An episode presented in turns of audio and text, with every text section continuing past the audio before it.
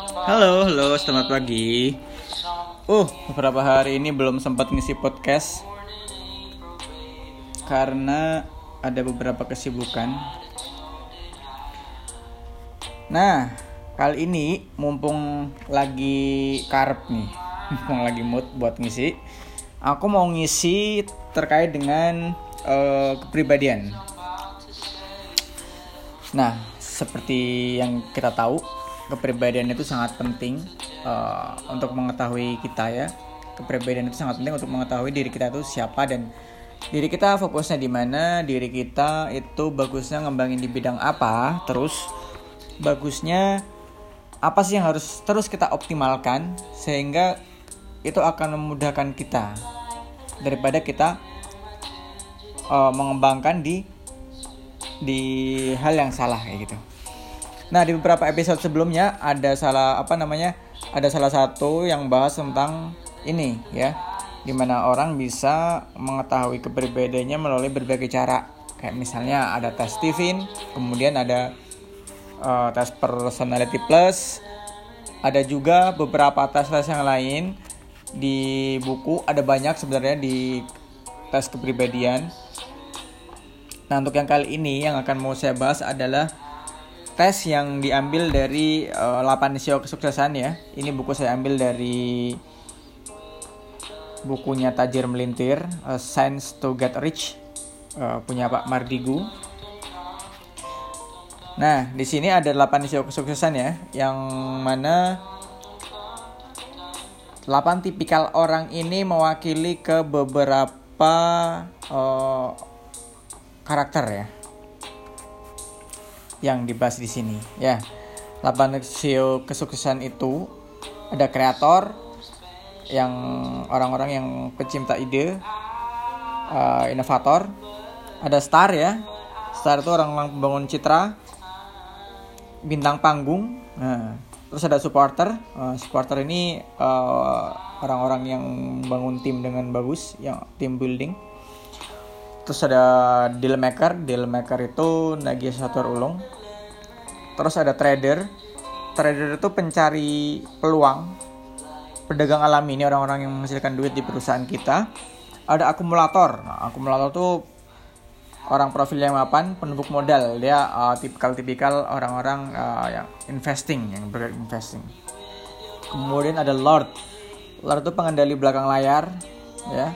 Perencana dan pengendali orang-orang di belakang panggung di perusahaan perusahaan kita. Kemudian yang terakhir ada mekanik. Nah, mekanik ini adalah orang-orang pembuat sistem, peran penyempurna pembangun jaringan. Nah, gitu. nah jadi 8 sio kesuksesan ini uh, untuk kesempatan kali ini saya akan bahas salah satu saja yaitu yang pertama kreator orang langit orang-orang yang menghasilkan ide uh, orang-orang yang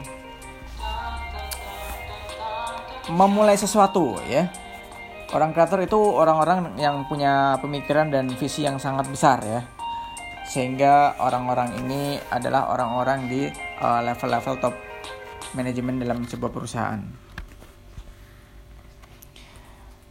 Nah, pada uh, kesempatan kali ini saya akan mengulas terkait dengan uh, orang orang-orang kreator.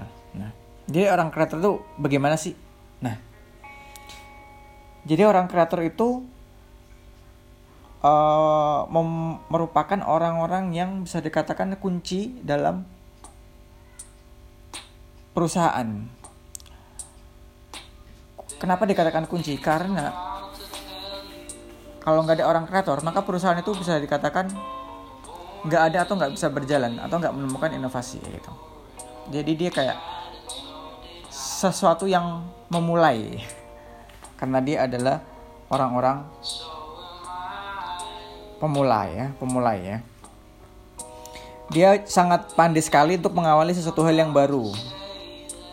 Walaupun sebenarnya orang-orang kreator tuh nggak biasa tuh untuk mengerjakan sesuatu halnya itu sampai dengan ke penyelesaiannya. Jadi dia bisa dikatakan hanya pada level awal-awal saja.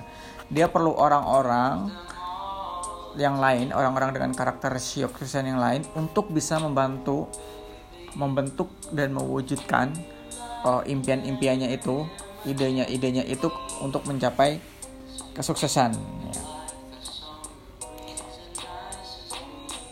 Jadi dorongan dan momentum orang kreator itu mampu mengakibatkan kelelahan juga bagi orang-orang sekitar karena idenya banyak suka ke sini suka ke sini kalau nggak bisa mengendalikan kalau nggak ada orang yang mengendalikan nanti malahan nggak akan fokus pada eh, hal-hal uh, tertentu. Jadi memang harus ada orang-orang di belakangnya ya, yang bisa mengeksekusi ide-idenya kayak gitu.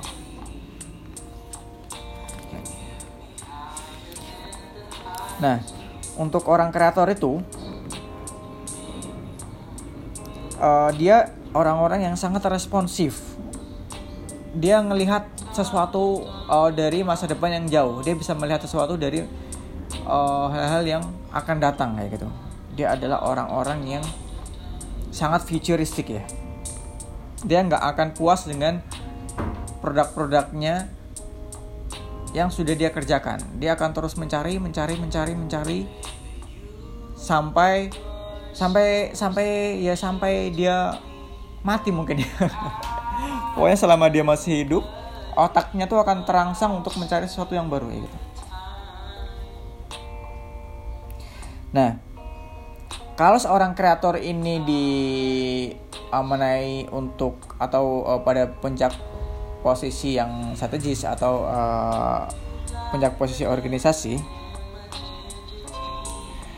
dia harus benar-benar dibantu atau disupport oleh orang-orang yang lain kayak misalnya ada orang supporter kemudian ada orang deal maker uh, kemudian ada orang-orang mekanik intinya orang-orang yang bisa nge-support menjalankan ide-idenya karena kalau nggak pasti nggak akan berhasil karena apa tadi satu dia pemikir yang sangat futuristik, kompleks, cepat. Dia akan sangat mudah bosan dengan satu hal yang sebelumnya dia sangat gemari di situ. Orang yang mudah bosan kayak gitu. Jadi kalau misalnya dalam bisnis itu pindah-pindah loncat-loncat dari ide sini ke ide sini itu malah nggak akan berhasil. Jadi dia perlu orang-orang yang uh, apa namanya berada di belakangnya untuk bisa menyelesaikan impian-impiannya dia membutuhkan tim yang benar-benar bisa ngerti dirinya yang uh, bisa mengerjakan hal-hal yang nggak bisa ditangani. Nah, negatifnya sering kali dia uh, memiliki kecenderungan untuk menyalahkan timnya karena dia rasa nggak bisa ngikuti dirinya yang uh, selalu berpikir cepat. Nah ini benar-benar aku alamin juga di, di dalam bisnisku. Uh, turnover timnya tuh kenceng banget karena memang kalau nggak cocok nggak bisa cepat nggak bisa gerak cepat ya udah cut ya gitu itu dan ternyata itu kesalahan yang besar karena nggak seperti itu. Kita kita harus sabar harus mengedukasi. Ya dari kesalahan-kesalahan yang aku lakuin aku juga belajar banyak hal. Ternyata memang aku perlu orang-orang yang bisa nge-backup aku buat di pekerjaan-pekerjaan uh, kayak misalnya di building team kemudian di apa uh, termasuk di tradernya juga gitu. Meskipun secara keseluruhan saya bisa ngerjain tapi akan lebih bagus akan lebih bagus ketika orang-orang kreator itu uh, dibantu pengerjaan sampai ke penyelesaiannya ya gitu. Kalau dia kerjaan sendiri bisa tapi nggak akan optimal ya gitu.